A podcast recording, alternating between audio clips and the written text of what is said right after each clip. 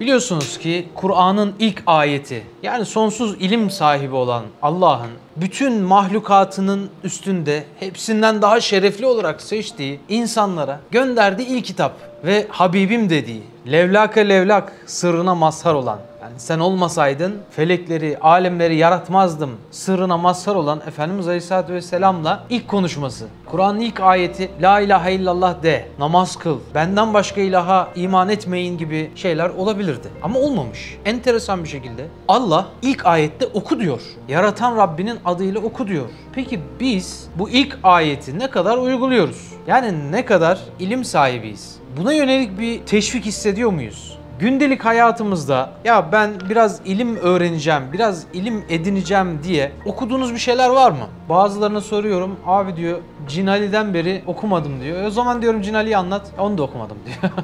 ya hiç kitap okumamış. Hiç. Şimdi bu asırda bir de değil mi? Elimizde akıllı telefonlar var. Yani akla çok ihtiyacımız yok.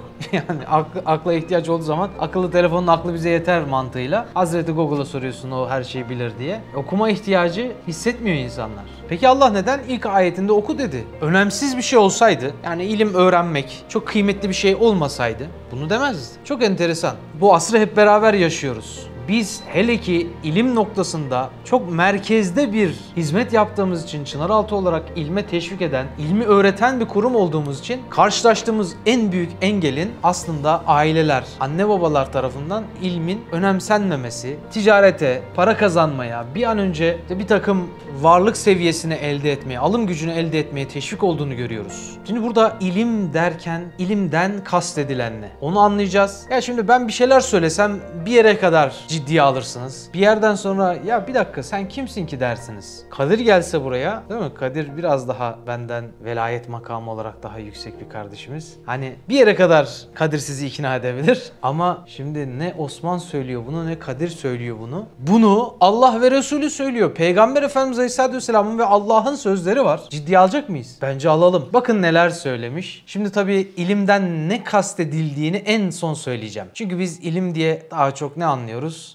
Bize para kazandıracak şeyler. Mesela İngilizce öğrenmek veya işte bir kod yazılımı öğrenmek bunlardır ilim. Böyle midir acaba? Fiziktir, kimyadır, biyolojidir. Bunlardır ilim diye görüyoruz. Böyle midir acaba? Bir bakacağız. Biraz sonra okuyacağız ama önce isterseniz şu iki hadisle başlayalım. Bakın Efendimiz şöyle bir şey söylüyor. Diyor ki geçen hafta namaz dinin direğidir diye konuşmuştuk ya. Dinin direği, dini ayakta tutan şey namaz demiştik. Bu haftada imanı ayakta tutan şeyi konuşacağız. Peygamberimiz diyor ki ilim İslam'ın hayatı, imanın da direğidir. Geçen hafta ne demiştik? Namaz olmazsa din çöker. Namazı olmayan bir insanın dini kaim değildir. Devrilmiştir, yıkılmıştır, çökmüştür. Enkaz altında kalmıştır o adam. İman içinde peygamberimiz ilim diyor. İlim olmazsa o kişi enkaz altındadır. Onun imanı enkaz altındadır, göçük altındadır. Yani bir arama kurtarma timine ihtiyaç duyuyor. O yüzden biz de buradan sesleniyoruz. Sesimi duyan var mı diye hani akutlar sesleniyor ya. Aynı o mantıkta sesleniyoruz gaflet karanlığı altında, dünya enkazı altında para kazanma, malını çoğaltma derdine düşmüş. O yüzden ebedi hayatını hiç düşünmeyen, ona hiç çalışmayan ve 3-5 senelik geçici kısa dünya hayatına odaklanan şu insanı çekip çıkarmamız lazım. O göçün altından çıkarmamız lazım. Bu neyle olacak? Peygamberimiz söylüyor. İlimle. İlim bu kadar değerli. Sizin hayatınızda ne kadar değerli bilmiyorum. Ne kadar değerli olduğunu ben size şöyle tarif edeyim. Yani siz sofraya oturduğunuz zaman ailenizle, arkadaşınızla yan yana geldiğiniz zaman arkadaşınızla ne konuşuyorsunuz? Beşiktaş konuşuyorsanız, Fenerbahçe konuşuyorsanız kusura bakmayın. Sizin listenizin birinci sırasında o var değil mi Cenk abi? Yani çek senet, bitcoin, bilmem ne, siyaset bunlarsa kusura bakmayın yani. Siz onun güruhundansınız. Siz daha bu saflara gelemediniz. Ha söylediğim zaman evet ilim önemli diyorsunuz ama ağzınızla diyorsunuz. Mesela ağızla demek değil onu herkes diyebilir. Halimizle değil mi? Tavrımızla, yaşantımızla, her şeyimizle demeliyiz. Acaba ilim bizim için ne kadar önemli yani? Listemizin kaçıncı sırasında geliyor? Bunu anlamanın yolu nedir? İlim meclisine, ilmin konuşulduğu yere teveccüh edip etmemektir. Bir insanın gerçekten ilme önem vermesi neyle anlaşılır? İlme olan iştahıyla. Sonra ne olur? İlim meclislerini kovalar. Öyle yerleri bulur. Allah'ın adının anıldığı, Allah'ın tanıtıldığı, peygamberin anlatıldığı, insan Allah'a yaklaştıran, ebedi hayatı için lazım olan o hakiki ilmi elde etmek için kuru bir süngere dönüşür. Bazı süngerler vardır değil mi? Suyla doymuştur. Onun üstüne ne kadar kadar su dökersen dök kenara atar o suyu. Ama kupkuru bir sünger düşünün koyduğun anda bütün suyu çeker. İşte sofraya aç oturmak lazım. Eğer aç oturmazsak ne olur? Tok adam sofradan ne kadar yiyebilir ki? İlim sofrasına da tok oturan iştahsızdır. İlim meclisine gelen değil mi? Hep anlatıyorum mesela Peygamberimiz Aleyhisselatü Vesselam zamanında hınca hınç mescit dolu. Hınca hınç. Üç kişi geliyor. Birisi zar zor omuzları arasında bir yer buluyor oturuyor. İkincisi biraz böyle bakınıyor. Çok kalabalık ayakta dinlemeye devam ediyor. Üçüncüsü çok kalabalık diye dönüyor gidiyor. Peygamberimiz diyor ki o ilim meclisinden yüz çevirdi. İlim meclisinden yüz çevirenden Allah da yüz çevirir diyor. İlme iştahın ne demek olduğunu anlıyor muyuz? İlme teveccüh etmenin ne demek olduğunu anlıyor muyuz? Dikkat edelim. İlim imanın direğidir diyor. Ve Allahu Teala İbrahim Aleyhisselam'a şöyle demiş. Ben ilim sahibiyim, ilim sahiplerini severim. Bu bizim için yeteri kadar büyük bir teşvik yani. Allah'ın seni sevmesini istiyorsan ilim öğrenmen gerekiyor. Peki bu gereklilik sadece bu kadar mı? Hayır Allah tarafından da farz kılınmış. İlim öğrenmek kadın ve erkek herkese farzdır diyor Efendimiz Aleyhisselatü Vesselam. Görüyor musunuz kıymetini bu işin? Ya. Ve İlim öğrenme niyetiyle yola çıkmış bir adamın bu niyeti geçmiş günahlarına kefarettir diyor ya. E daha ne istiyorsun? Günahların affedilmesini, Allah'ın seni sevmesini ve ebedi hayatının kurtulmasını istiyor musun? Öyleyse ilim öğrenmen şart. Bakın öyle şeyler geçiyor ki ilimle ilgili hem ayetlerde hem hadislerde. Şimdi hem ayetleri hem hadisleri sırayla okuyacağız. Efendimiz Aleyhisselatü Vesselam bir hadisinde mesela şöyle söylüyor. Diyor ki alimin abide üstünlüğü, ibadet edene üstünlüğü benim aranızdaki seviyesi en düşük kimseyle olan mesabem gibidir diyor.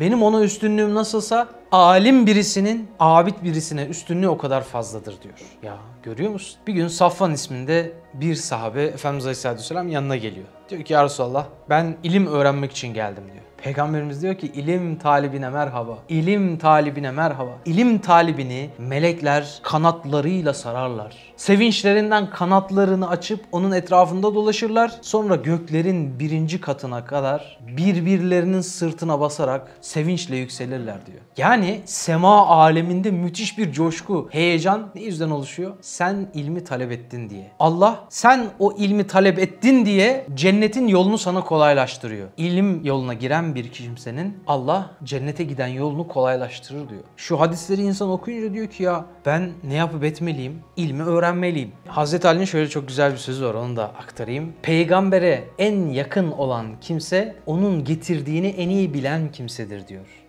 Çok güzel bir söz değil mi? Ona en yakın olan kimse onun getirdiğini en iyi bilen kimsedir. Ve ekiliyor. İlim servetten hayırlıdır. Çünkü ilim seni korur. Serveti ise sen korursun. Servet harcadıkça azalır, sarf ettikçe azalır. İlim ise sarf ettikçe artar. İlim sana yol gösterir, servet ise seni yoldan çıkarır diyor. Allah'ın yeryüzüne bir nevi gazap indirmesi bir alimin vefat etmesiyle oluyor. İlim yeryüzünden çekilmiş oluyor alimin ölmesiyle. Yani bu mesele bu kadar kıymetli, bu kadar değerli, bu kadar hayatımızın merkezinde olması gereken bir mesele. Şimdi hep sahabe-i kiramı anlatıyoruz. Şöylelerdi, böylelerdi. Onlar ilme bu kadar ilgi gösterdikleri, rağbet gösterdikleri için bu seviyelere çıkmışlardı aslında. Hazreti Lokman hikmetiyle meşhur olan Lokman. Terkipleriyle şifaya vesile olacak kimsenin bulmadığı yöntemleri bulan Lokman. Oğluna şöyle nasihat etmiş. Diyor ki alimlerle otur. Hikmet sahiplerinin sözlerini dinle. Allahu Teala bahar yağmuru ile toprağa hayat verdiği gibi ölü kalpleri de hikmet nurlarıyla diriltir diyor. Ya Şöyle bir ayet Mücadele suresinde geçiyor. Diyor ki Allah iman edenleri yüceltir. Kendilerine ilim verilmiş müminleri ise cennette kat kat derecelerle yükseltir diyor. Ve Zümer suresinde de ki hiç bilenle bilmeyen bir olur mu? bir olmaz. Şimdi birazdan bununla ilgili de bir hadis okuyacağım. Gerçekten ya insan diyor ki ya ben nasıl oluyor da böyle boş vakitler geçiriyorum. Zamanımı, ömrümü böyle boşa harcıyorum. Ne yapıyorum ben? Kaç yaşına geldik? Kimimiz 20 yaşında, kimimiz 30 yaşında, kimimiz 40 yaşında. Ömrünü neyle geçirdin? Bir dönüp bak. Bir muhasebe yap. Nerede harcadın? Nerede zayi ettin? Çok kıymetli vakitlerini nerelerde tükettin? Belki günahlarla, belki gereksiz maleyaniyatla, lüzumsuz işlerle. Belki senin yüzünü ahirette kızartacak, milyarlarca insanın karşısında o günahın teşhir edildiğinde, sergilendiğinde yerin dibine girmek isteyeceğin haller yaptın. Belki çok gereksiz şeylerde ömrünü harcadın. Allah'ın hiç hoşuna gitmeyecek. Fuzuli, sana faydası olmayan şeylerde. Ömrün boşa geçti bak sermaye gidiyor. Bari şu kalan vaktini ve ömrünü seni Allah'a yaklaştıracak. Allah'ı tanımanı sağlayacak bir yolda harca. Kulları arasında Allah'tan en çok korkan kimdir? Alim alimlerdir. Allah'ı tanıyanlardır. O yüzden böyle bir teşvik var. Efendimiz Aleyhisselatü Vesselam Allah'tan en çok korkan, en çok Allah'ın rızasına yönelik işler yapan, aksini yapmaktan korkan kişiydi. Çünkü Allah'ı en iyi o tanıyordu. Mesele o yani biraz. Ve Kur'an'da defaatle bilmiyorsanız alimlere, bilenlere sorun. Enbiya suresi 7. ayette geçtiği gibi. Şimdi hadisleri ben okuyacağım. Gerçekten bilmiyorum sizde de aynı etki olacak mı ama ben bu hadisleri okuduğumda ya dedim ne kadar muhteşem. Ben bu zamana kadar nasıl oldu da şu hadisleri okumadım? Nasıl oldu da böyle ilmin bu kadar kıymetli olduğunu fark edemedim? Nasıl gafil kaldım? Nasıl tembellik yaptım? İnsan böyle söylüyor işte. Gelin şu hadisleri okuyalım. Eğer sizin için sıkıntı değilse klimayı açsak olur mu? Montajda çıkarırsın olacak? Montajda yerine çiçek, böcek, kuş, takım sesler. Beni kaldırıp yerime böyle mübarek daha evliya birisini koy. Evli ya dedim.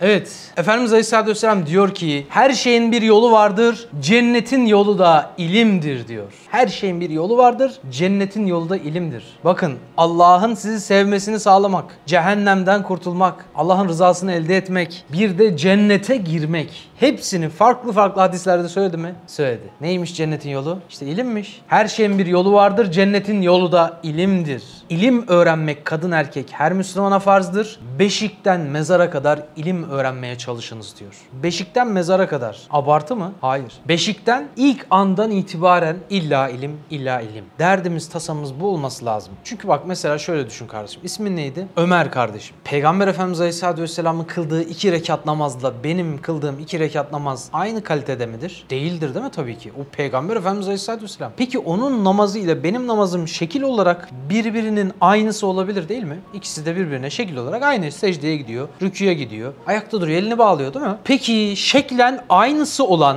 okunan sureleri aynısı olan iki namaz neden birbirinden farklı? Birisi Allah'ı çok iyi tanıyor. Hiç kimsenin tanımadığı kadar iyi tanıyor değil mi? Peygamber Efendimiz Aleyhisselatü Vesselam Allah'ı çok iyi tanıdığı için ona çok yakın oluyor. O çok yakın olduğu için de onun namazındaki feyiz, sevap o kadar yüksek. Demek ki bizim namazımızı Efendimiz Aleyhisselatü Vesselam'ın namazına yaklaştıran, Allah katında bize mesafe kazandıran şey ilim. O ilmin içinde de hangi ilim? Az sonra. Okuyalım görelim. Hiç kimse cehaletle aziz, ilimle de zelil olmaz diyor Efendimiz. Cehalet kimsenin işine yaramaz diyor yani. Kimseyi aziz etmez ama ilim de kimseyi zillete sokmaz diyor. Boş vaktini ilme harcayan kurtulur. Genelde boş vaktimizi neye harcıyoruz? Bu yeni nesilde özellikle PUBG var değil mi? LOL bak bilenler kendini ele veriyorlar. Minecraft. Oynamıyorum ama. Bizim bir arkadaş, kuzenim oynuyor. Boş vaktimizi heba ediyoruz değil mi? Ya tamam bir kısmını gene haram olmayan şeylerde harca. Ama bir kısmını, mesela diyelim bir saatini, günde bir saatini böyle bir yatırıma harca. Kendini geliştirmiş olursun değil mi? Bir sene sonra, iki sene sonra öğrendiğin şeylerin sayısı üst üste gele gele gele gele öyle bir seviyeye seni çıkartacak ya değil mi? Seni cennete götürecek işte. En güzel şey o. Yoksa insanlar arasında hani böyle caka satmak, böyle bir hava atmak, artistlik yapmak için değil değil mi? Bu kadar önemli. Ama enteresan bir hadis söyleyeceğim şimdi. Erkan hazır mısın duymaya? Hangi zamanda yaşıyoruz? Ahir zaman. Değil mi? Ahir zamanda insanlar camileri süsler, kalplerini viran ederler. Kim diyor bunu?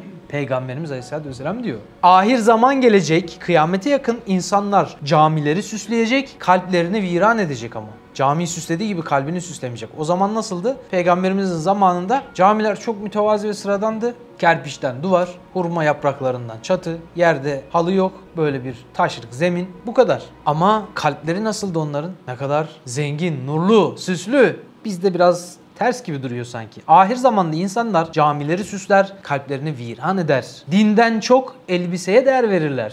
Dünyaları selamet ise ahireti düşünmezler diyor. Başta söylediğim şeyi hatırlıyor musunuz? Biz Çınaraltı olarak ilim öğretmeye çalışan, ilmi yaymaya çalışan bir ekibiz. Ama karşımızdaki en büyük engel ateistler veya deistler vesaireler değil. Aileler çocuklarının ilim öğrenmesini hiç önemsemeyip, kıymetsiz görüp, onu aşağılayıcı laflar edip, bu bir değil iki değil yüzlerce örnek ha, bu toplumun şu an durumu. İlmin hiçbir kıymeti yok. Neyin kıymeti var? Ya paranın kıymeti var. Git para kazan. Boş duracağını git para kazan. Bu öğretilmiş insanımıza. Materyalist olmuş, madde bağımlısı olmuş insanımız. Bunu düzeltmemiz lazım acilen. Çünkü hadiste bize işaret ediliyor. Peygamberimiz söylüyor dışına önem verir, içine önem vermez diyor. Bak dinine zarar gelse önemli değil. Dünyası selamet, ise ahireti düşünmez diyor. İlmin olmazsa olmaz olduğunu az önceki hadislerde anladınız. Cennetin yolu dedi vesaire dedi. Bir sürü şey var. İlmi öğrenmeyene de çok tedip hadisleri var. Onları koymadım. Dehşetli hadisler var ilmi öğrenmeyenle ilgili. Okuyalım. Mesela cahil insan ilmi öğrenmeyen bu tavrından dolayı azaba uğrayacak diyor. Salih alimlerden olun. Eğer salih alimlerden olamazsanız böyle alimlerin sohbetinde bulunun. Sizi hidayete kavuşturacak, dalaletten, sapkınlıktan uzaklaştıracak ilmi dinleyin diyor. İşte Çınaraltı sohbetine gelin diyor yani. Peygamberimiz Aleyhisselatü Vesselam Çınaraltı sohbeti gibi asırlardır böyle olan sohbetleri söylüyor. Sizi sapkınlıktan, Allah'a götüren yollardan uzaklaştıran, Allah'tan uzaklaştıran her şeyden sizi koruyan ilim meclislerinde bulunun diyor işte. Eğer salih bir alim olamadınsa en azından diyor sohbetinde bulun. Biz de şimdi işte üstadın sohbetindeyiz. Sizi hidayete kavuşturacak ve sapkınlıktan uzaklaştıracak ilmi dinleyin diyor. İlim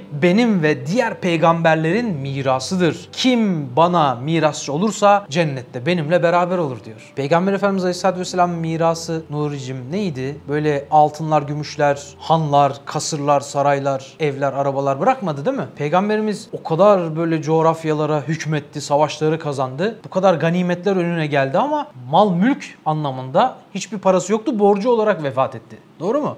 Borcu vardı vefat ettiğinde. Peki peygamberimizin mirası neydi? İlimdi, sünnetti, hadisleriydi. Doğru mu? Bak ne diyor? İlim benim ve diğer peygamberlere mirasıdır. Şimdi bizde bir veraset var yani. Veraseti nübüvvet diyoruz buna değil mi? Peygamberimizin mirası. Kim bana mirasçı olursa cennette benimle beraber olur diyor. Açık çek. Peygamberimizle beraber olmak istiyor musun cennette? Kim istemez Nuri? Herkes ister. Peygamberimizle beraber olmak istiyorsan ne yapman gerekiyormuş? Ha, kadar net.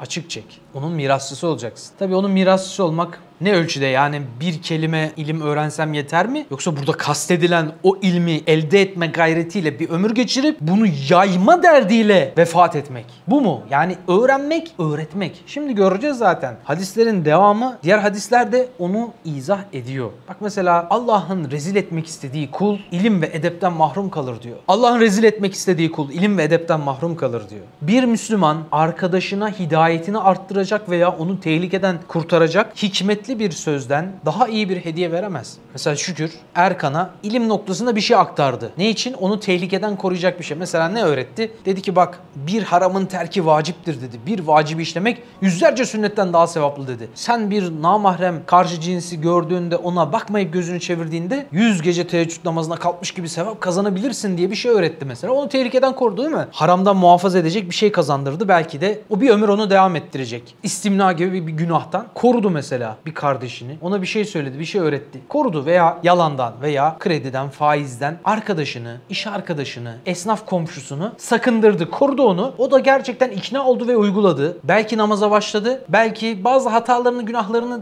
terk etti. Ha neymiş? Ona verebileceği en büyük hediyeymiş. Yani ebedi hayatına vesile abi. Elbette ki. Bir saat ilim öğrenmek veya öğretmek sabaha kadar ibadetten daha sevaplıdır diyor. Abi bu gece Kenan abi sabaha kadar namaz kılalım gel desem gelir misin? Gelirsin tabii sen söylemeden ben söyleyeyim. Hiç kaçırmam diyorsun. İşte onun yerine bir saat şurada ilim öğrenmek daha karlı. Şimdi siz zaten tüccarsınız hepiniz. Az efor, çok kazanç üstüne karınızı maksimize edersiniz. Onun üstüne planlarsınız. E burada karın maksimizasyonu.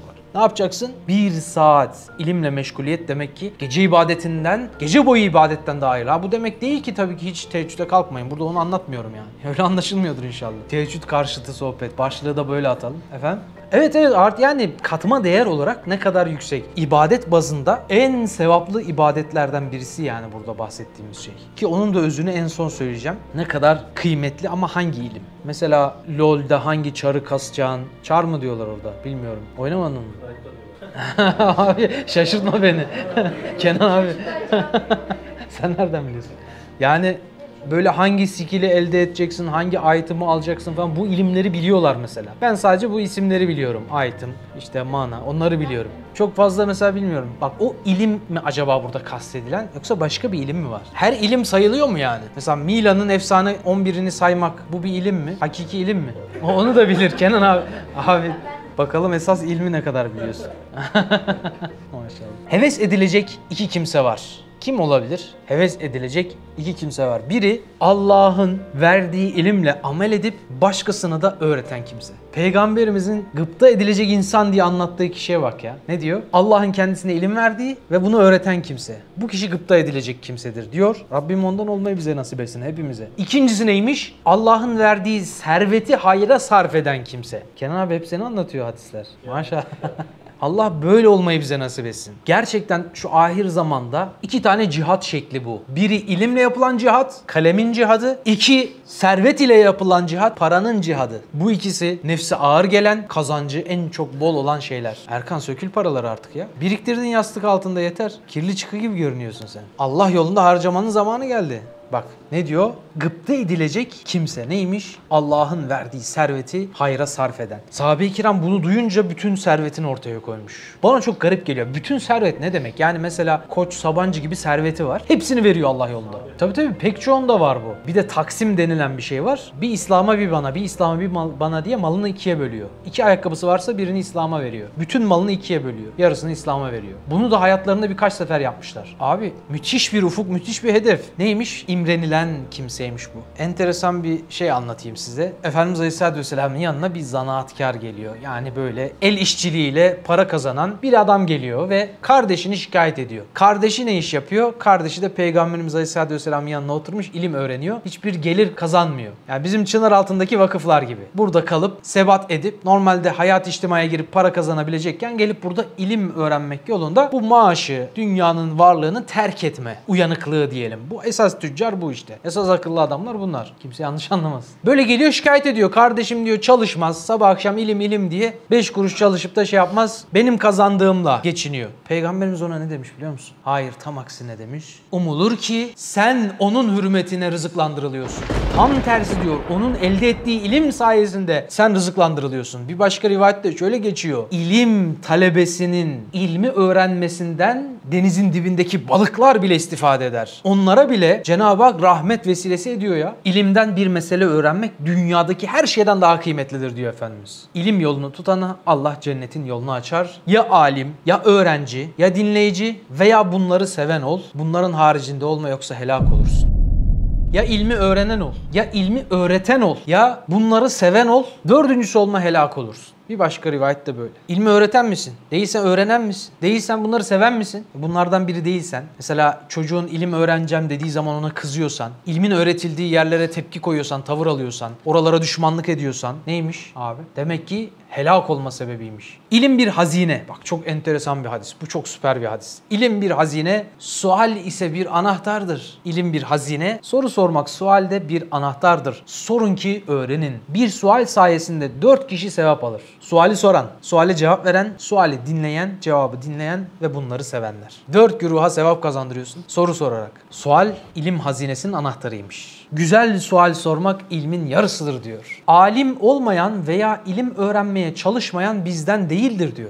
Ha müthiş değil mi? Bir alimin yanına oturarak bir saat ilimle meşgul olması bir abidin, ibadet edenin yani ilim öğrenmeyip sadece ibadete yönelenin 70 yıl ibadetinden daha hayırlıdır diyor. 70 yıl. Allahu Ekber. Yani varsa yoksa demek ki ilme koşmak lazım. Bu kadar değerli. Soru sordukça sorgulama kendini yorarsın diyoruz ama tam tersi. İlhan seni tebrik ediyorum. Vallahi helal olsun. Biz böyle soru sorana sorma dinden çıkarsın. Sorma böyle ateist olursun. Bizim işte son sosyal deneyde olmuş ya. Çok sorma ateist olursun diyor. Bizde böyle maalesef. Ama öyle olmaması lazım. Soru neymiş? İlim hazinesinin anahtarıymış. Sormak lazım. Güzel sual ilmin yarısıymış. Allah hakkında hayır dilediği kimseye din konusunda müthiş bir, büyük bir anlayış verir diyor. Bu Buhari hadisi. İşlenen bir günah alime bir, cahile iki olarak yazılır. Alim günahı için azap olunur. Cahil ise hem günahı hem de öğrenmediği için azap olunur. Var mı ilim öğrenmeyi düşünmüyorum diyen hala? Yani bu hadisleri duyunca insan abi ben boşuna duruyormuşum çınar altından çıkmamam lazım demesi lazım. Uzakta yaşıyorsa buranın mesela videolarını veya sevdiği neresi varsa ilim öğrenmeyi istediği neresi varsa abi ilim öğreten bin tane kapı var. İlim öğrenmek bak çok enteresan bir hadis. Namaz, oruç, hac ve Allah yolundaki cihattan daha hayırlıdır diyor. İlim öğrenmek. Ya Allah dünya işlerinin, alemi ahiret işlerinin cahili olana buğz eder. diyor. Nefret eder. Dünya işlerinin alimi sorsan dünyanın her şeyini biliyor abi. Uzman. Para politikalarını, endekslerin hepsini biliyor. Günlük akışları takip ediyor. Borsayı biliyor. İddia kuponu versen 10 numara iddia kuponu hazırlar. Ama ahiret işlerinin cahil. İlim konusunda, Kur'an ilmi konusunda bir şey bilmiyor. Allah o kimseye buğz eder diyor. Demek ki öğrenmek için gayret etmek lazım yani. Şimdi farklı bir hadis okuyacağım. Biraz izah etmek gerekiyor. Bir kimse ilim öğrense, bununla amel etmese bile bin rekat namaz kılmasından daha fazla sevap alır diyor. Buradaki kasıt ilmiyle amel etmemeyi övmüyor Peygamberimiz. Tam aksine başka hadislerinde bunun azap sebebi olduğunu söylüyor. Burada ilmi öğrenmiş, uygulamaya fırsatı olmamış henüz. Uygulayamamış. Yoksa o ilmi bile bile amel etmemekten bahsetmiyor. Eğer öğrendiği ilimle amel eder veya başkasına öğretirse hem bunun sevabını alır hem de kıyamete kadar bununla amel edenlerinin sevabını alır. Müthiş. Din ilmine sahip olanın sıkıntısı gider, ummadığı yerden rızıklanır. İlim öğrenen veya Allah için bir dost edinen veya din kardeşinin yüzüne şefkatle bakan veya Bismillah diyerek işine başlayan affa uğrar.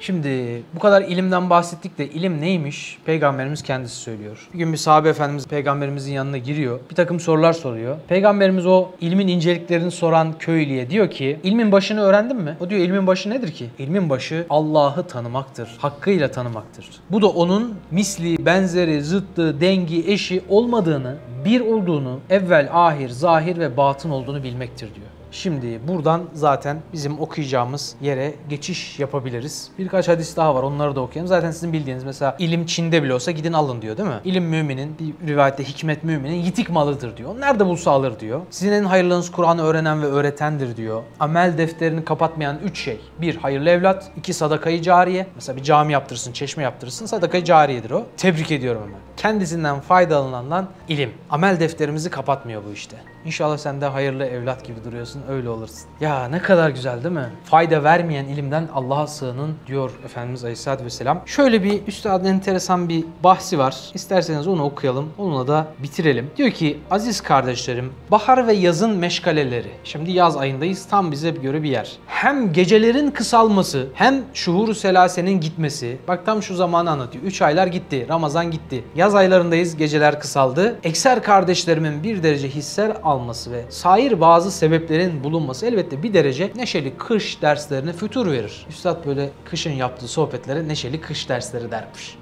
Kışın uzun gecelerde uzun uzun iman dersleri yaparlarmış. Fakat onlardan gelen fütur size fütur vermesin. Çünkü o dersler ulumu imaniyeden, imani ilimlerden olduğu için bir insanın yalnız kendi nefsine dinlettirse yeter. Bahsus siz daima bir iki hakiki kardeşi de bulursunuz. Birileriyle bunu paylaşırsınız. Hem o dersi dinleyenler yalnız insanlar değil. Size bir mesela rivayet söyleyeyim. Melekler semada birbirlerini müjdelerlermiş. Sizlere müjde aradığınızı buldum. Gelin Allah'ın adının anıldığı yerleri birbirlerine müjdeler ve hepsi oraya üşüşürmüş. Belki şu an Allah'ın adını andık, hadislerden bahsettik, peygamberimizi andık diye buralara Allah göndermiştir. Şu an belki Abdullah'ın yanında böyle 10 bin tane belki melek var orada. Biliyor musun? Mümkün yani böyle bir şey. Belki şu an şuralar tıklım tıklım dolu. Bilmiyoruz biz sayısını da şeklini de bilmiyoruz. Ama mümkün. Peygamberimiz bunu söylüyor, haber veriyor. Hem o dersi dinleyenler yalnız insanlar değil. Cenab-ı Hakk'ın şuur sahibi, zişur çok mahlukatı var. Hakaiki imaniyenin istimanından, dinlenilmesinden çok zevk alırlar. Sizin o kısım arkadaşınız ve dinleyicileriniz çoktur. Hem mütefekkirane o çeşit sohbeti imaniye zemin yüzünün bir manevi süsü, ziyneti ve medarı şerifi olduğuna işareten böyle demiş. Semavat zemine gıpta eder ki zeminde halisen lillah yani böyle ihlasla sohbet ve zikir ve tefekkür için bir iki adam,